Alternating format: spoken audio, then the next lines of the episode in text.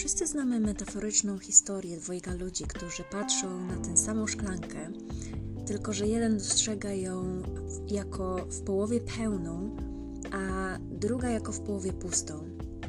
Słyszeliśmy to, ale nadal jest to cenne ćwiczenie, aby naprawdę obserwować nasze umysły i zauważyć, czy jesteśmy zaangażowani w myślenie w połowie pełne, czy w połowie puste.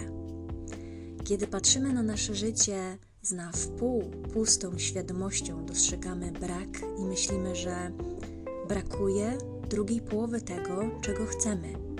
Wychodzimy z pozycji oczekiwania. Z drugiej strony, kiedy patrzymy na nasze życie jako w połowie pełne, to dostrzegamy pełnię. W połowie pełnej świadomości liczymy na nasze błogosławieństwa. Kiedy patrzymy na nasze życie, widzimy wszystkie elementy, które są na miejscu i wszystko, co mamy. Niekoniecznie oznacza to, że nie szukamy więcej, ale szukamy w miejscu pełni, a nie w miejscu braku. Ta pełnia wciąga pozytywną energię do naszego życia i często przyciąga więcej dostatku.